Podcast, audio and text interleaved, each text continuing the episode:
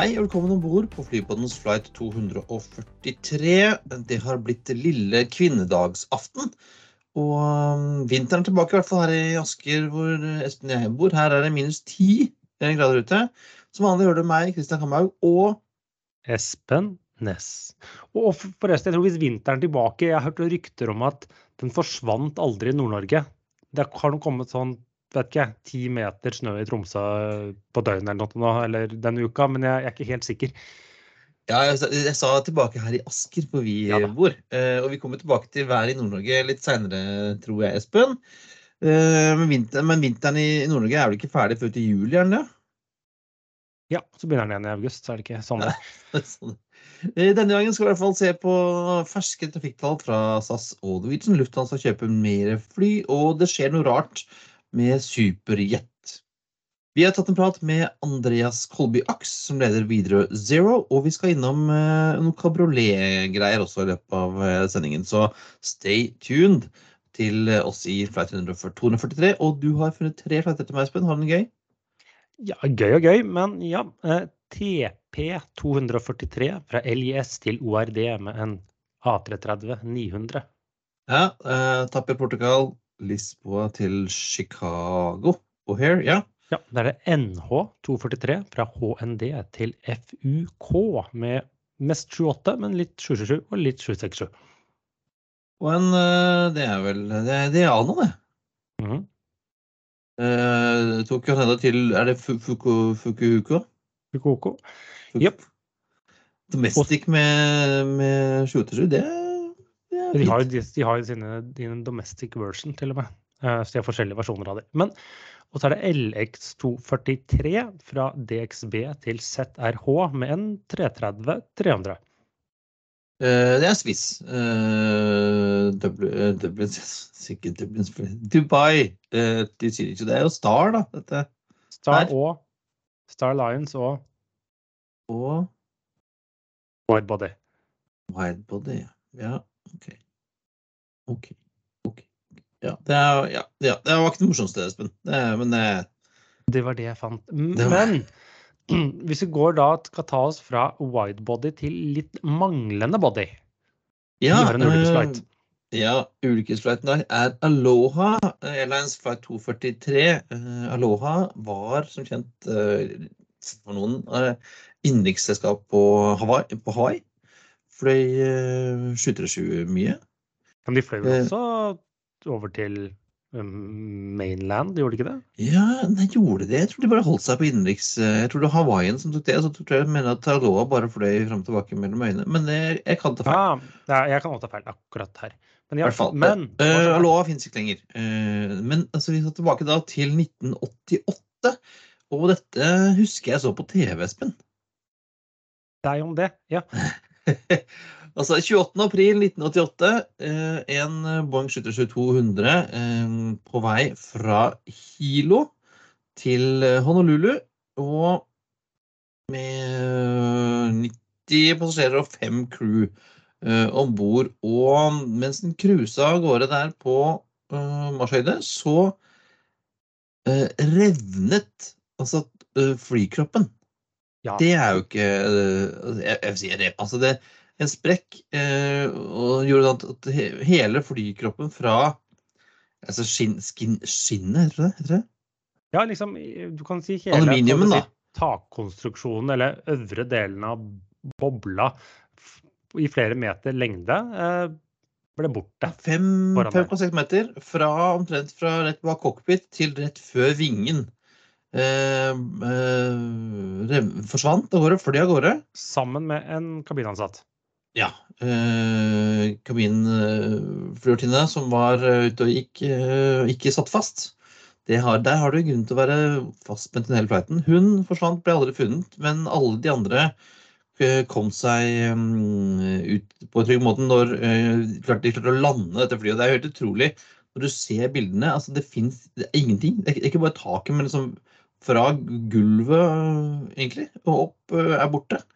Eh, og folk satt da liksom i, i friluft. Det er helt utrolig. De kom, de kom seg ned, landet da på Kalua, var det? Kalui? Nei. ja. De landa på ja, veldig, uh, Maui. Maui var det, ja. Maui landet. Kom ned ganske kjapt når de, døra, døra til cockpit forsvant også når resten forsvant. og, og Kopiloten snudde seg og så bakover. Da så han som himmelen eh, gjennom døra. det, det, er ikke en bra greie. Eh, på vei til landing eh, så mista de også den ene motoren. Altså ikke fysisk, men den slutta å virke. Eh, og det var litt eh, utfordrende å fly et fly som ikke hadde flykropp foran. Eh, og årsaken her var sprekker som skyldtes korrosjon og materialtretthet. Dette flyet fløy jo da store deler av sitt eh, liv i ganske sånn korroderende miljøer. Mye sjøluft og Og hadde mange flighter. Det hadde ikke nødvendigvis veldig mange timer, men det var, hadde hatt ekstremt mange av disse korte hoppene opp og ned. Så hadde det en drøss med cycles. Hadde vel ja, 35 000 cycles. Nei, flight hours og 90 000 cycles. Stemmer. Mm. Uh, det er jo på, på, linje med noen uh, videre dashotter.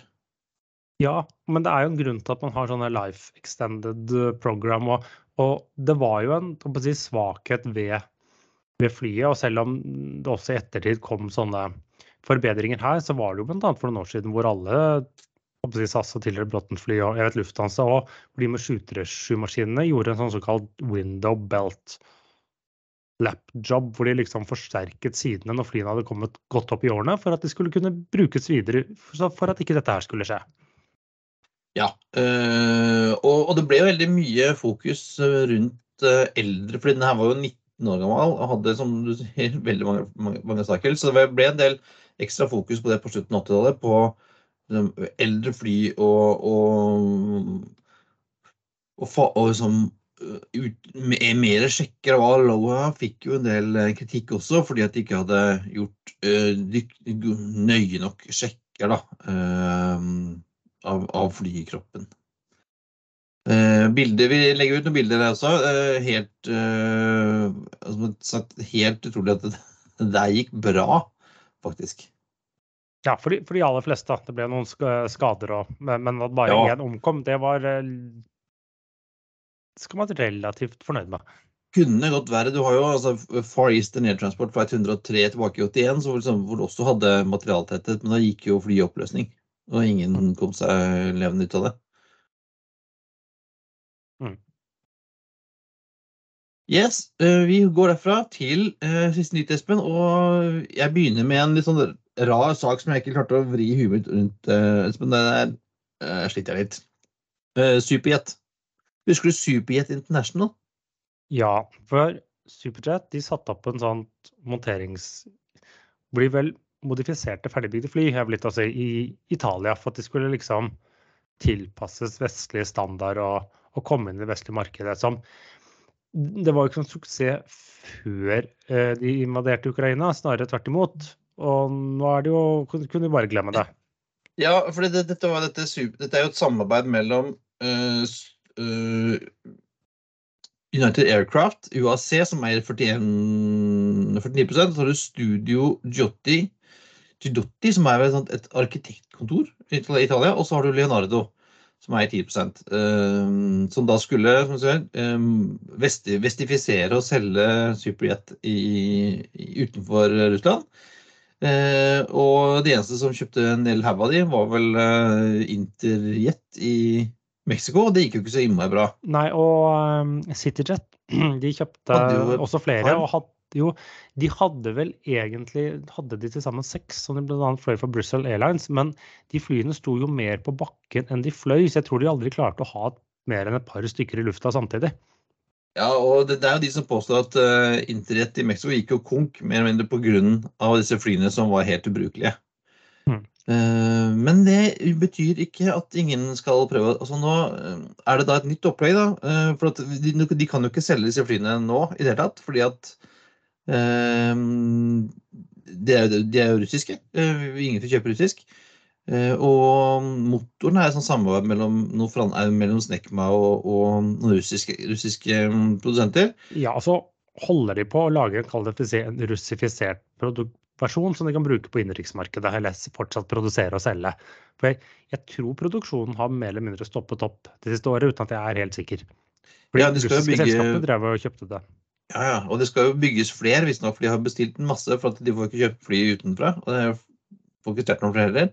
Men altså, nå er det da et, et, i- i- jeg, jeg, jeg skjønner ingenting. Men det er altså snakk om at de skal um, selge Altså UAC skal selge sin andel uh, i Super International til Mark AB Capital Investments i Forente arabiske emirater. Og så skal de sette opp en produksjonslinje i El Ain i Emiratene. Som da skal selge en, hel, en vestlig versjon da av superjet som ingen vil ha. Nei, vet du, dette her har jeg ikke Og så skal det bygges en russisk fremdeles i, av, av Irkutsk, da. Dette tror jeg ikke kommer til å ende bli noe konkret, og dette er eh, ja, bare tull og tøys. Jeg hørte noen mente at dette her kunne være en slags måte å bli For å få russ For å få som, nesten som en slags eh, ja, hvitvasking av, eh, av penger, slik at disse folka i Dubai skulle betale til russerne for de skulle ja, Men jeg, altså, jeg skjønner ingenting. Eh, dette er fly som ingen vil ha. Og uansett hvor mye penger de putter inn fra Emiratene, dette går ikke. Ingen som vil ha den. Dropp det. Men det som folk vil ha, er eh, billetter med Norwegian. Ja, de kom med tall i dag, og de har jo meldt tidligere at de sier at forhåndsbookingen sin er bra osv. osv. Eh, De klarte nesten 1,2 millioner passasjerer i februar og et belegg på 83,8% eh, Si det en til, Espen. Belegget i februar var 83,8. Det er ganske bra. Ja, det er ikke Ryanair-nivå som er på langt på 90-tallet, men det er men, ganske bra. eh, Og 64 fly i drift, og, og, og brukbart hopp opp fra februar. Og de, de har nok tjent på at uh, Flyr forsvant i slutten av uh, januar, uh, utvilsomt. Men alt i alt så har de også da klart å tilpasse etterspørselen Nei, de har ikke etterspørselen, de har klart å tilpasse tilbudet Tilbudet etter etterspørselen. Ja. Eh, For ser man på inntektene og dermed inntjeningen, så er den eller, også kraftig opp i, i februar. For jeg ser liksom at yield og, og, og, unit eh, enhetsinntekter er kraftig opp. Og den eh, totalt enhetsinntekt endte på 64 øre. Så hvis jeg antar at de hadde 70 øre i kostnader, som det er ikke sikkert det er helt riktig, men jeg tror ikke det er totalt vill vest feil heller. Eh, Så kan sikkert noen eh, hos Norwegian knegge seg i og si om jeg tar helt feil eller ikke. Men hvis det stemte, eh, så tapte de 110 millioner kroner i februar, som er helt greit for dem å være. Ja, altså det, jeg syns det er en bra gild og bra, bra belegg når du snakker februar, liksom. Mm. Ikke gærent det der. Det er, det- og det kommer mars, og da er det bare å eh, kjøre på, da. Ja, eller fra slutten av mars, da. Eh, Starten av mars Ja. er også litt eh, Ja. preget av, eh, av vinteren. Og så går vi til SAS. De hadde 1,55 millioner passasjerer i februar, et belegg på 70,8 eh, Begge deler selvsagt veldig mye bedre enn februar i 2022. Men de hadde også en eh, forbedring i, belegget fra januar. Og en ja, gild på 1,07 svenske kroner og enhetsinntekt på 75 øre, som med SAS' kostnader selvsagt ikke er nok. Men eh, det er fortsatt en ja, brukbar inntjening. Ja, det er ikke sikkert, det er ikke gærent det heller for SAS eh, med 70,1, nei, 70,8 og en gild på en, over, over krona. Det er ikke gærent det der heller, altså. For det være februar. Nei da, det, det er eh, ja. eh, Alt i alt, de, jeg tror ikke de skal være direkte misfornøyd over disse passasjertallene eh, i en måned som ja, er jo egentlig en dårlig måned for flyselskapene. Ja, og, og de melder også om ganske bra salg utover eh, for våren og sommeren også. Ja, ja. Så her kommer det mye an på liksom å faktisk da levere det man har, det man har lovet. Og så kommer det liksom Ja. Det virker som privatmarkedet nå har booket og driver og booker ferier i, i god markedet. Hvis da også bedriftsmarkedet holder seg oppe, så tyder det bra egentlig både for Norwegian og SAS, vil jeg si. Jeg har booka to øh, jobbreiser siste uka. Mm, jeg ser det. Men uh, Avidor-tallene, Espen. Uh, nå har vi fått uh, status for uh, vinterferieukene. Ja, uke 9 viste foreløpig nedgang fra 12% i minus 12 da, i uke 8 til minus 15 i uke 9, og så ender den sikkert på minus 14. Så ja, det er en nedgang, for jeg så liksom at passasjertallet sank svakt. Sånn, den enkle og veldig korte forklaringen er at innenriks nå økte mindre enn fallet i utenriks. Sånn at det liksom ikke helt klarte å hente seg inn. Men så prøvde jeg å se litt på, på tallene. at Når jeg liksom så på trafikktallene i Oslo, Bergen, Trondheim og Stavanger, eh, så klarte jeg ikke helt å forklare den relativt store nedgangen. Så jeg gikk litt inn på uh, detaljene til Tromsø, Bodø og Evenes. Du har nerda deg ordentlig ned? Jeg må nerde meg litt ordentlig ned. og jeg tror ikke det forklarer ikke hele nedgangen, men deler av nedgangen tror jeg faktisk rett og slett skyldes det drittværet de har hatt der i det siste. Og det har ført til såpass mange kanselleringer at det har en merkbar effekt på ukespassasjertallene. Det er litt min teori her. Ja, det var vel nå at Svalbard var mer eller mindre stengt i, mange dager også? Okay, det, var flere, ja, det var flere uker siden. Men uh, det var mye kanselleringer på alle de tre uh, forrige, forrige, uke. Og det var nok en del reiser som da rett og slett ble kall det si avlyst eller flyttet til uh, senere. Ikke bare at man kom med et forsinket fly.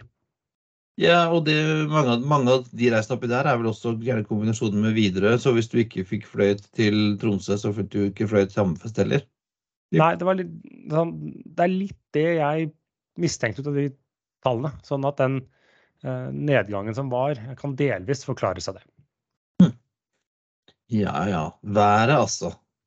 Gjør, uh, det vanskelig for folk. Mm.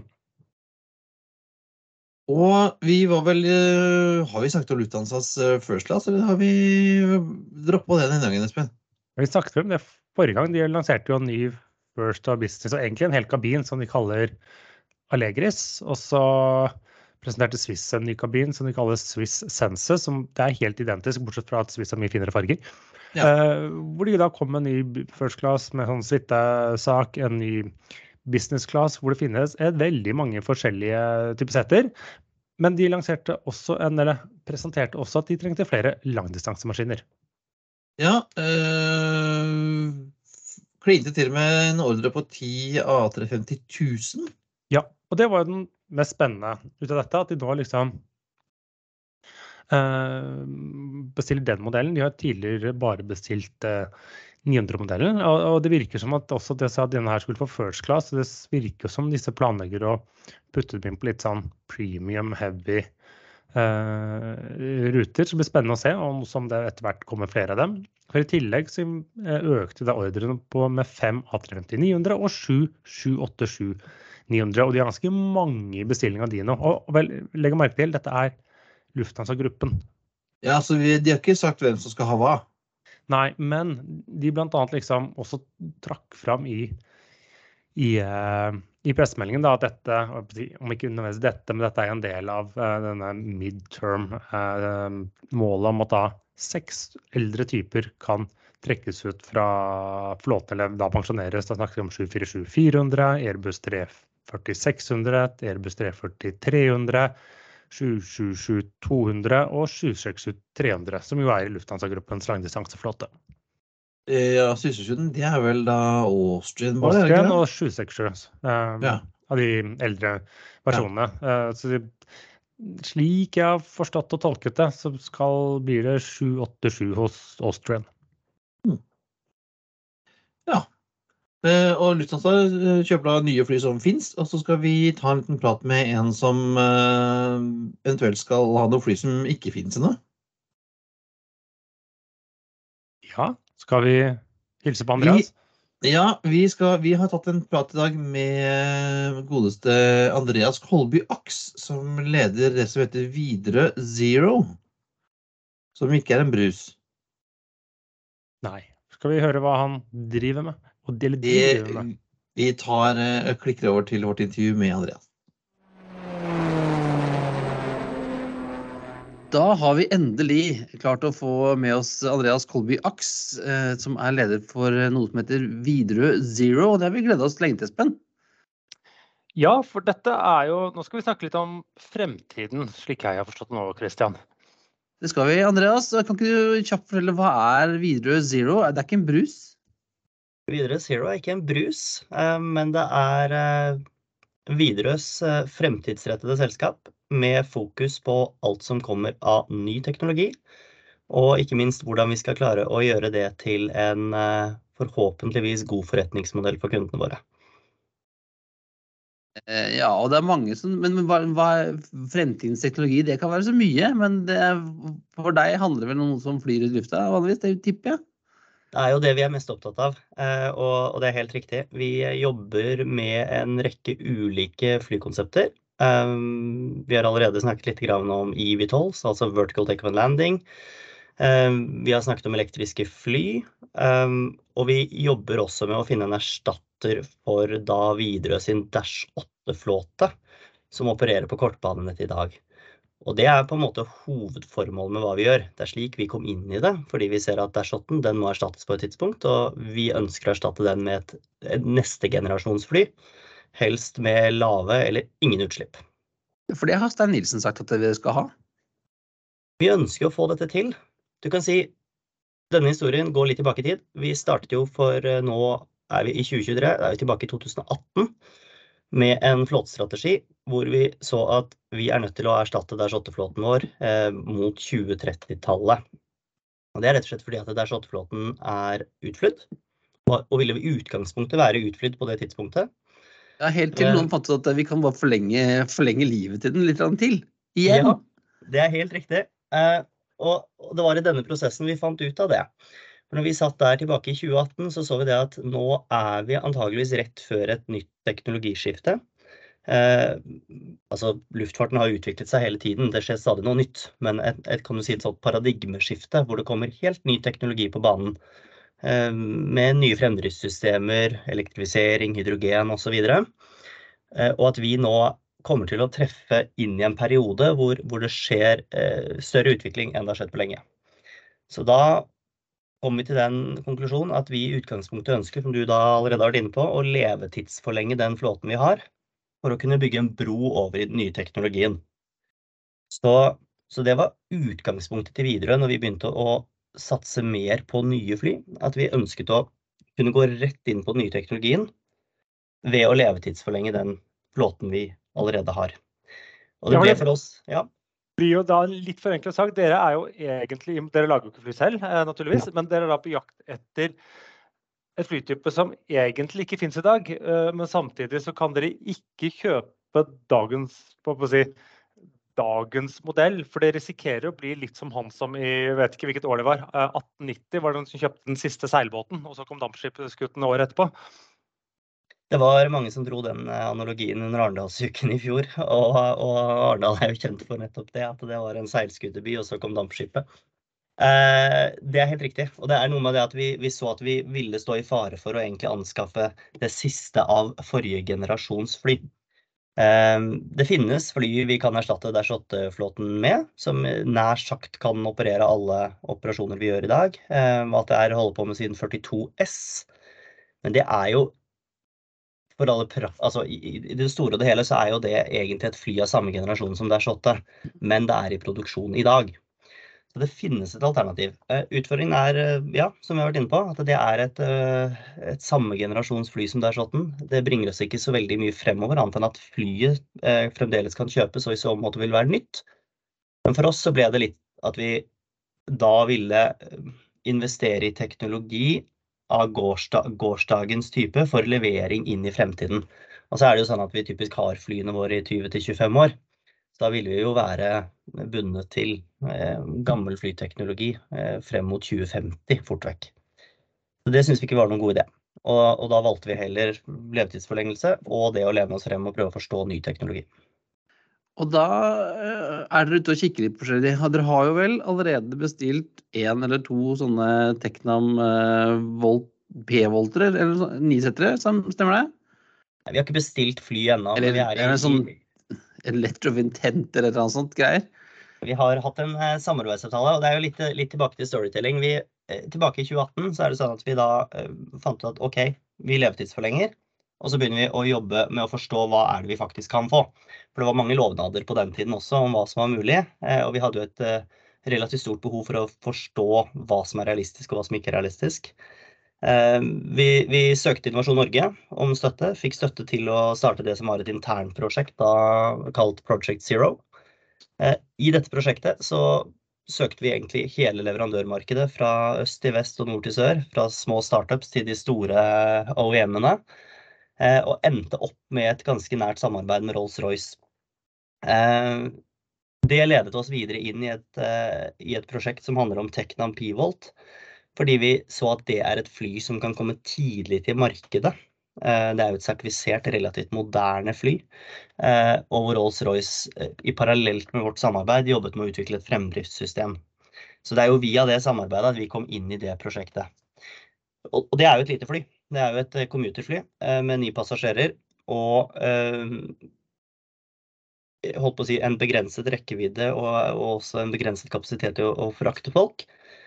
Men tidlig til markedet med helelektriske konsepter, så tror vi også at det er veldig begrenset hvor store flyene kan bli og hvor langt de kan fly. Selv om noen er mer optimistiske her, så har vi vært ganske konservative og sett at okay, det tror vi faktisk er det eneste som er mulig. Vi snakker små fly med opp til 10 seter, gjerne ni fordi man da er under single pilot kravet. De vil komme til markedet først, og så blir det større fly senere. Og der ligger interessen å samarbeide med Rolls-Royce og Technam, fordi det var et realistisk konsept. Og det ligner jo for øvrig også på, holdt på si, det amerikanske konseptet Eviation Alice, som også er 9 seter i samme kategori fly og så videre. Så vi ser jo et, et fokus der, og vi tror at det er kanskje der maksgrensen ligger, i hvert fall med nåværende teknologi, på bruk av batteriteknologi. Og det batteri, batterielektrisk er jo bare én av mange løsninger for å lage lavutslipp eller nullutslippsfly. Det finnes jo mange andre. Det finnes jo da Uh, ja, batterielektrisk. Det finnes uh, hybridelektrisk, hvor du har litt batteri og litt uh, fuel. Du har hydrogen, hydrogenelektrisk med fuelceller. Du har gode gamle sustainable aviation fuel på toppen. Det finnes veldig mange teknologier. Er det litt sånn at dere kaster litt alt på veggen og ser hva som stikker, eller tror du at vil, så, man, man, vil konvergere et eller annet sted? Eller kommer vi til å ha om noen år fly som går på det ene og det andre på norske flyplasser? Jeg tror det er flere teknologier som kommer til å, å vinne frem her. Eh, det vi ser er jo at det er eh, Med de ulike teknologiene du nå nevner, så er det ganske stor forskjell i energieffektivitet. Eh, hvor vi ser at noen du si, systemarkitekturer, da, som vi liker å kalle det, har store fordeler på effektivitet kontra de andre. Men så er det også begrensninger. Eksempelvis batterielektrisk. Fantastisk når det kommer til energieffektivitet. Eh, du får ut omtrent 95% av den energien du putter inn, og det kommer fra strøm eh, inn i flyet til, strø, til si, fremdrift drevet frem av strøm. Dette er supereffektivt. Det er veldig bra, men rekkevidden er begrenset, eh, og, og, muligheten til å bygge store fly er veldig begrenset. Så nevner du holdt på å si, andre former som hydrogen, hydrogenelektriske konsepter. Vi har gjort en stor studie med eh, også Rolls-Royce, men da Embraer som partner, på et større regionalfly og da blir jo hydrogenelektriske konsepter kjempeinteressante. For da får du på den energitettheten du trenger for å kunne fly litt lenger med litt større fly. Men energieffektiviteten er noe lavere. Eh, si ja, for det forsvinner ganske mye inn. Først, først skal du gjøre om strøm til hydrogen, så skal du gjøre om hydrogen til strøm igjen. Så det blir forsvinner ganske mye på veien. Det er akkurat det. Eh, og det regnestykket blir jo enda verre hvis du ser på SAF.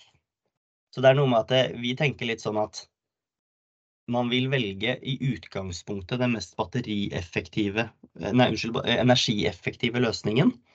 Men det er begrensninger, sånn at vi tror at eh, hydrogen også kommer til å spille inn i dette. Det er jo noe som nå mange satser på.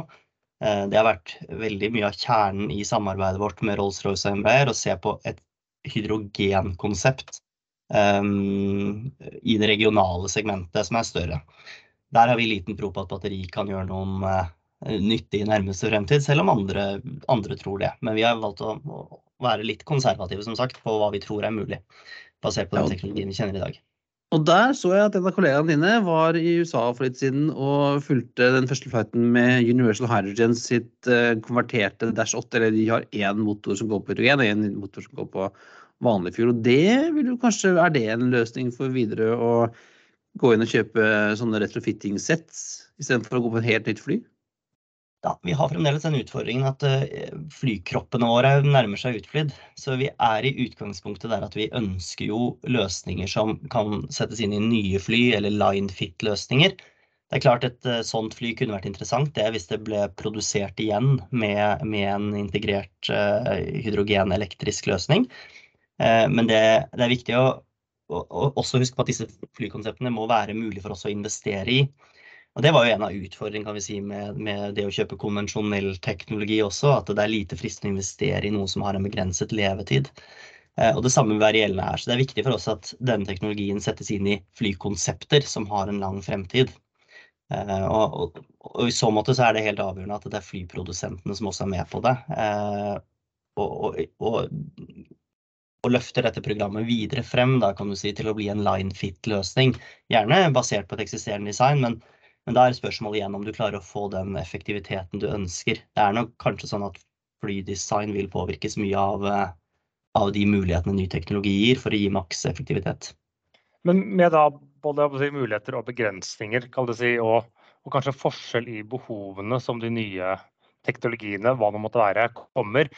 Det skaper kanskje også en litt utfordring, eller kanskje minsker sjansen for at man i framtiden vil se en si, enhetsflåte til bl.a. deres bruk. At uh, her trengs det kanskje litt forskjellige ting, for det er både forskjellige volumer og rekkevidder det er snakk om? Det kan jo hende. Uh, og det er spennende den, kan du si, hvis vi ligger i grensesnittet mellom der vi tror um, batteriteknologi kan gjøre jobben, fra kanskje evitals, fire til seks seter opp til commutere, små commutere på opp til ti. Um, og hvor grensen glir over til at du trenger et annet drivstoff. Um, vi tenker nok at um, med en gang du er inne i det som er CS25-kategori, altså over commuter um, Nå blir det litt teknisk her, men men inn i det som er mer enn et 20-seters fly, mm. så er det nok fort vekk hydrogen som vil være gjeldende om du skal ha et nullutslippsfly.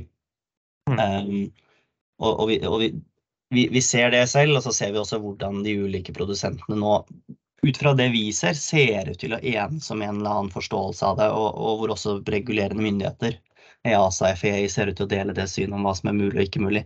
Så men akkurat hvor grensen går, hvor stort kan et batterielektrisk konsept bli, og, og, hvor vil man faktisk begynne å se på hydrogen, det er jo spennende å se akkurat hvor grensen går. Men sånn grovt sett så tror vi kanskje grensen går mellom commuterklassefly og regionale fly.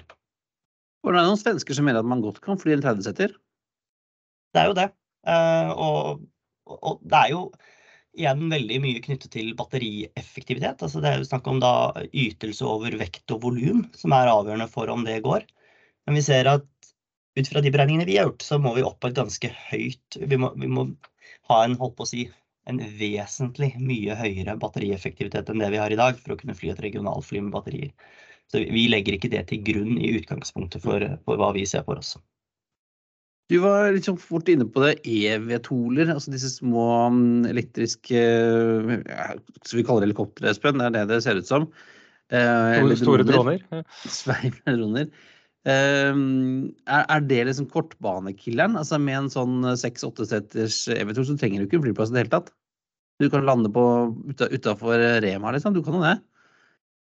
Ja, hvis Rema tillater. Men eh, Men det er jo et spennende case. ikke sant? Det er jo, det er jo utrolig mye nytt disse vi, vi, vi, kaller det vel egentlig litt en hybrid mellom fly og helikopter.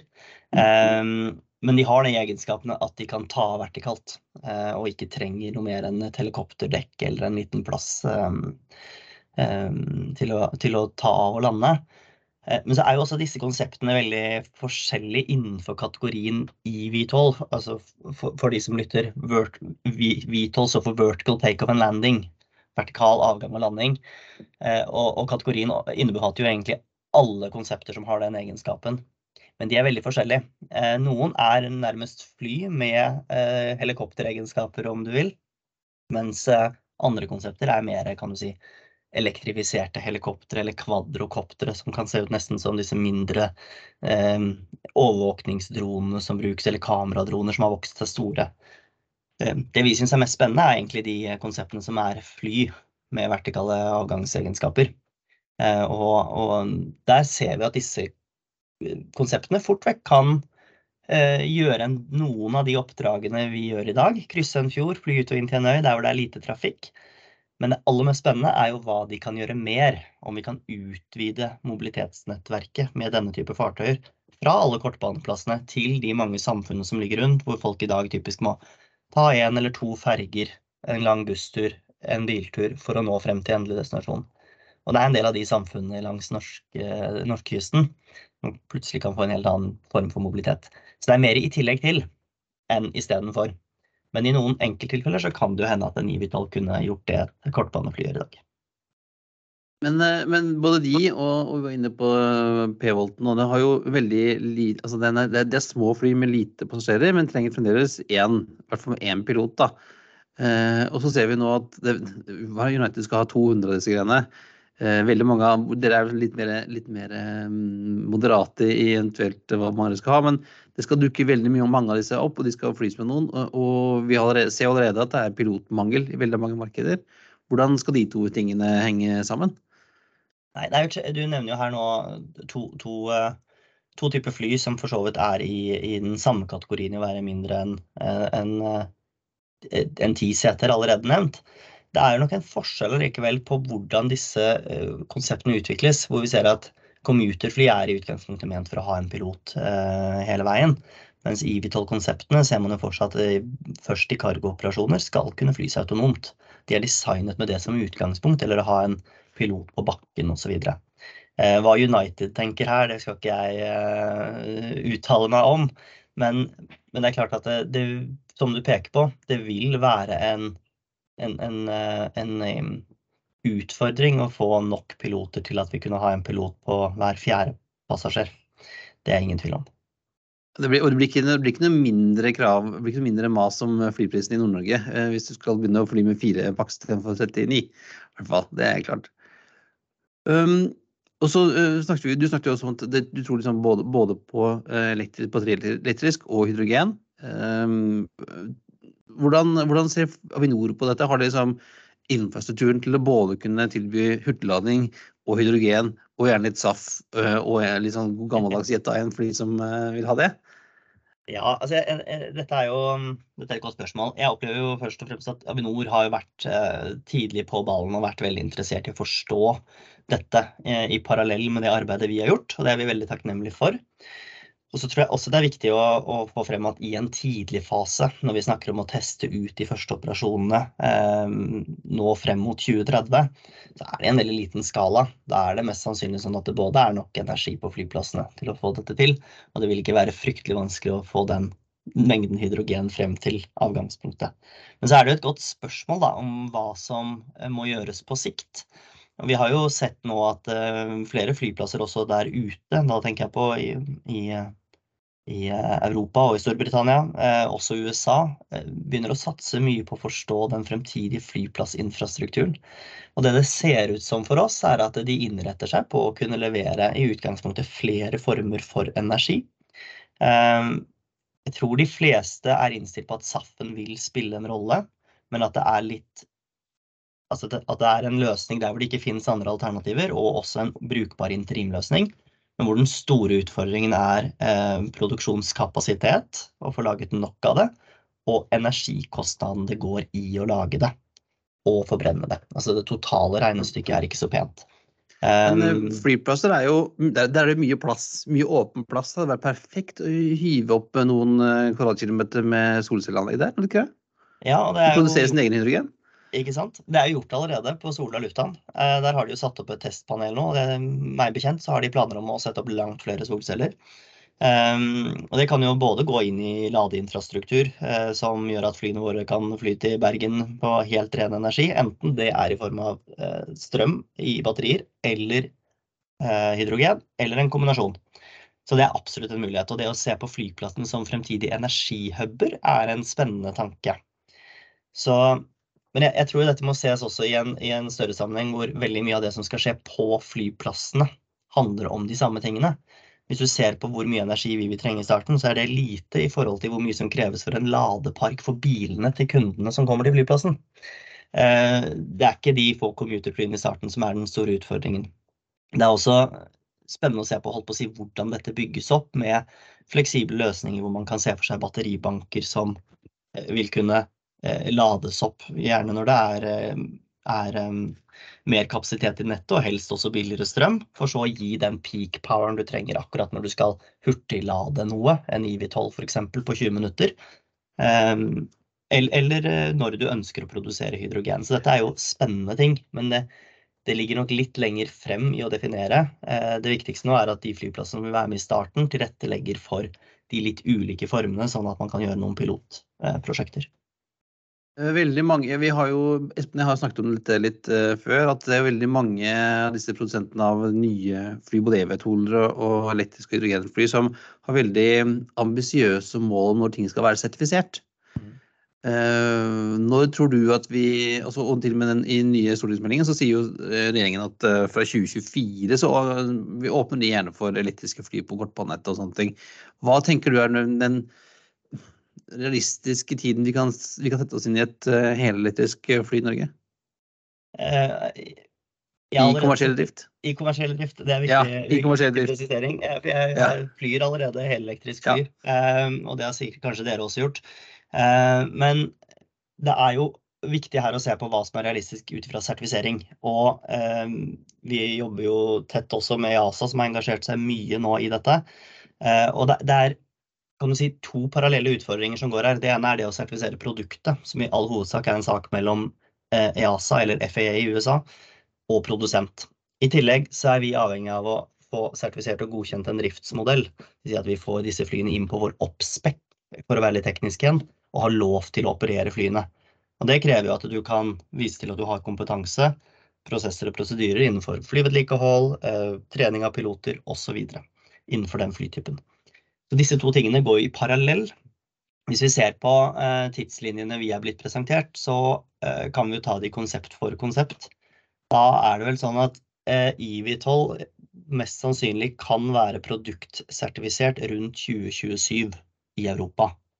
Ehm, og det syns vi er, høres ambisiøst ut, men det legges vanvittig mye innsats inn i det. Og både produsenter og regulatoriske myndigheter bekrefter at det er tidslinjen som er satt. Og så kan det bli krevende for oss som operatør å være klar til det, eh, men noe vi tror vi skal få til, så lenge vi har det nære samarbeidet vi har med produsent og sertifiserende myndighet. Når det gjelder eh, commuterfly, så er det jo altså et CS23-klassefly. Så er det jo sånn at eh, man i utgangspunktet ligger godt an til å kunne få det sertifisert ganske raskt som produkt, hvis det er helelektrisk. Og så ser man for seg, de siste tidslinjene jeg har sett, at man med gasshydrogenløsninger, altså dvs. Si ikke flytende hydrogen, men gaseous hydrogen, vil kunne se commuterfly rundt 26-27 sertifisert.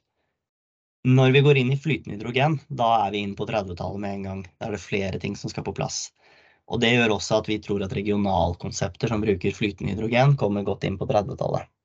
Men at commuterfly og eVTOLs kan bli sertifisert for drift på 20-tallet, det har vi all grunn til å tro ut fra hva produsenter og eh, sertifiseringsmyndigheter sier. Eh, men tiden går fort, så um, da må ting gå riktig, og, riktig vei.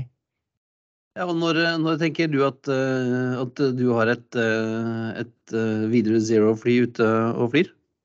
Vi håper at vi kan ha de første testflyvningene ikke så lenge etter 2025-2026. Med passasjerer så er vi nærmere 2030. Vi eh, stiller uh, veldig gjerne som testpassasjerer, vi altså. Det er veldig bra. Ikke tenk på det. Um, men det er det vi legger til grunn. Og, og, og dette her er jo en, en uh, Igjen tilbake til disse to, to, to, kan du si, parallelle sporene med at produktet skal sertifiseres og operatøren. Så er vi avhengig, avhengig av at begge er sertifisert før vi kan ta betalende passasjerer om bord. Men at det kan være testflyvninger i Norge så fort et produkt er sertifisert eller er i en sluttprototypefase, det er det alle muligheter for. Og det håper vi kan skje rundt 2025, 2026, 2027. Jeg har skjønt at eh, Stavanger-Bergen i hvert fall har en veldig stor ambisjon om å bli først. De har det. Eh, og så ser vi at det er ganske mange andre som også ønsker å bli først. Eh, det er jo veldig bra. Vi syns det er helt topp at flere regioner engasjerer seg. Og, og, det de gjør, er også veldig viktig. Det er jo sånn at i utgangspunktet er det kanskje tre ting som er avgjørende for oss når vi skal sette i gang en, en en flyvning og velge hvor den skjer. Ehm, det ene er eh, det som handler om å tilrettelegge. Og det er klart Der har regionene og flyplassene og de som er engasjert i økosystemet, veldig mye påvirkning. Om det faktisk er mulig å komme dit og, og, og ha tilgang på det som trengs av infrastruktur. Eh, det andre er jo det politiske engasjementet og samfunnsengasjementet rundt det. At vi tror det er et sted som vil løfte dette opp og frem, og ønsker at det skjer. Eh, det er også noe som i stor grad regionene selv påvirker, og derfor er engasjementet veldig viktig. Og så har vi den siste jokeren, som kanskje blir eh, til slutt også veldig avgjørende. Det er flyoperative forhold, og hvor det er vi ønsker å sette noe i trafikk tidlig for å, for, for å gjøre dette ikke nødvendigvis eh, enklest mulig for oss selv, men det er noe med å prøve å spille på lag med teknologi og natur i en tidlig fase.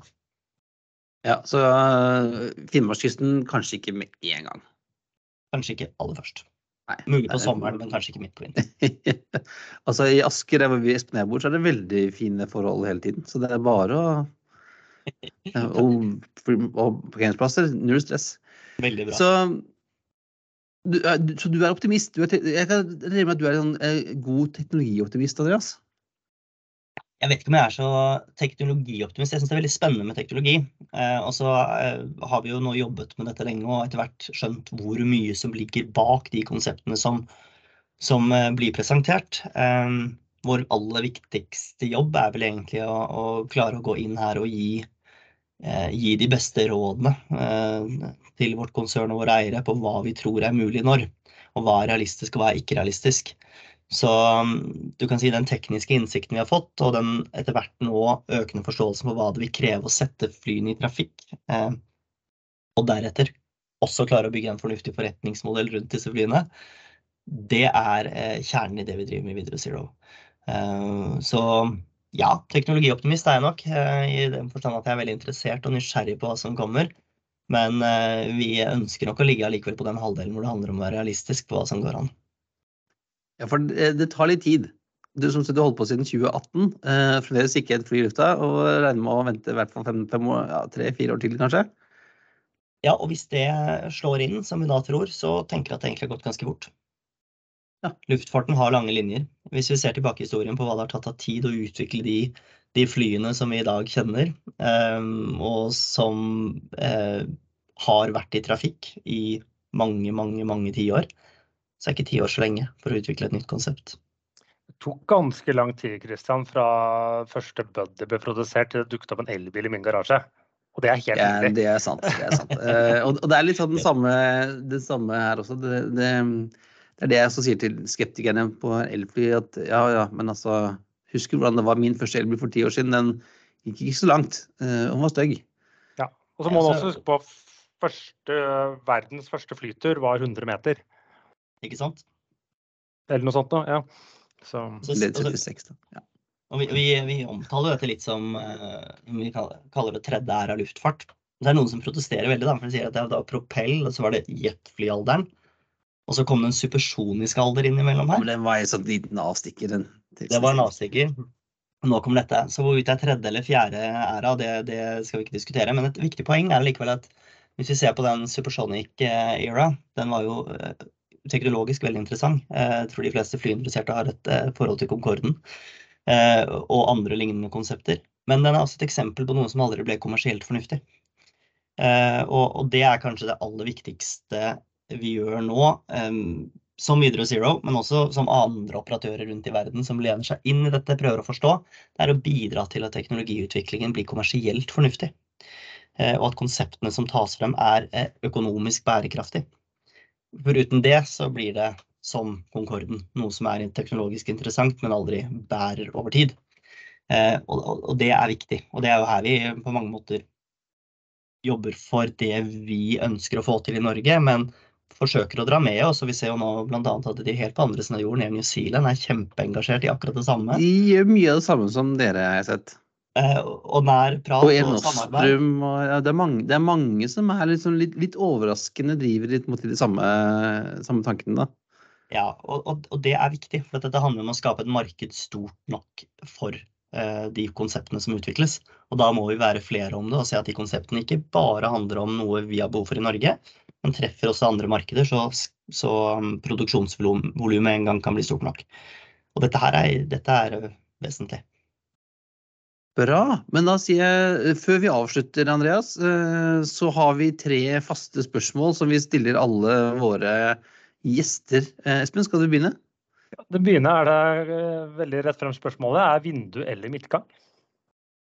eh, vindu på longhold og midtgang på kort. Og en EV2 så er det, sånn, det er jo alt det samme, så det er jo greit. Det er alt det samme. Neste spørsmål kanskje litt vanskeligere. Eh, Din, eh, hva er din favorittflyplass?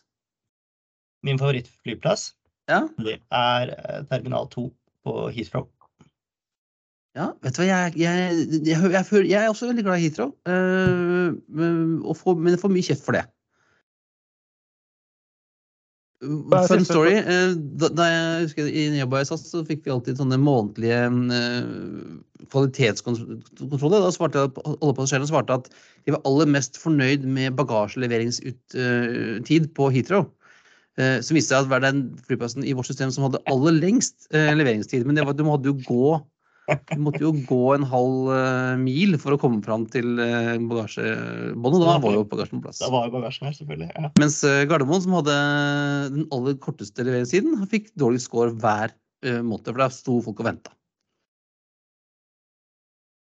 Og siste spørsmål er jo, hvis du skal velge en destinasjon å dra tilbake til for resten av livet, hva er det? Hvilken er det? Og, og bli der, da. Nei, Nei, du, du, du, du, er på ferie hvert år dit. til samme sted. Uh, hvis det er det samme stedet jeg må dra tilbake til uh, gang på gang på gang, så tror jeg nok det blir Skottland. Ah, fordi Bodd i Skottland, syns det er et fantastisk land. Og det er en uh, litt sånn herlig miks av Skandinavia og, og det britiske, som jeg liker veldig godt. Så eh, det ville nok blitt Skottland. Bra. Da sier vi tusen takk, Andreas, og lykke til med videre Så Vi, så at vi stiller opp som testpassasjerer anytime. Jeg gleder meg. Tusen takk. Ha det godt. Ha det bra.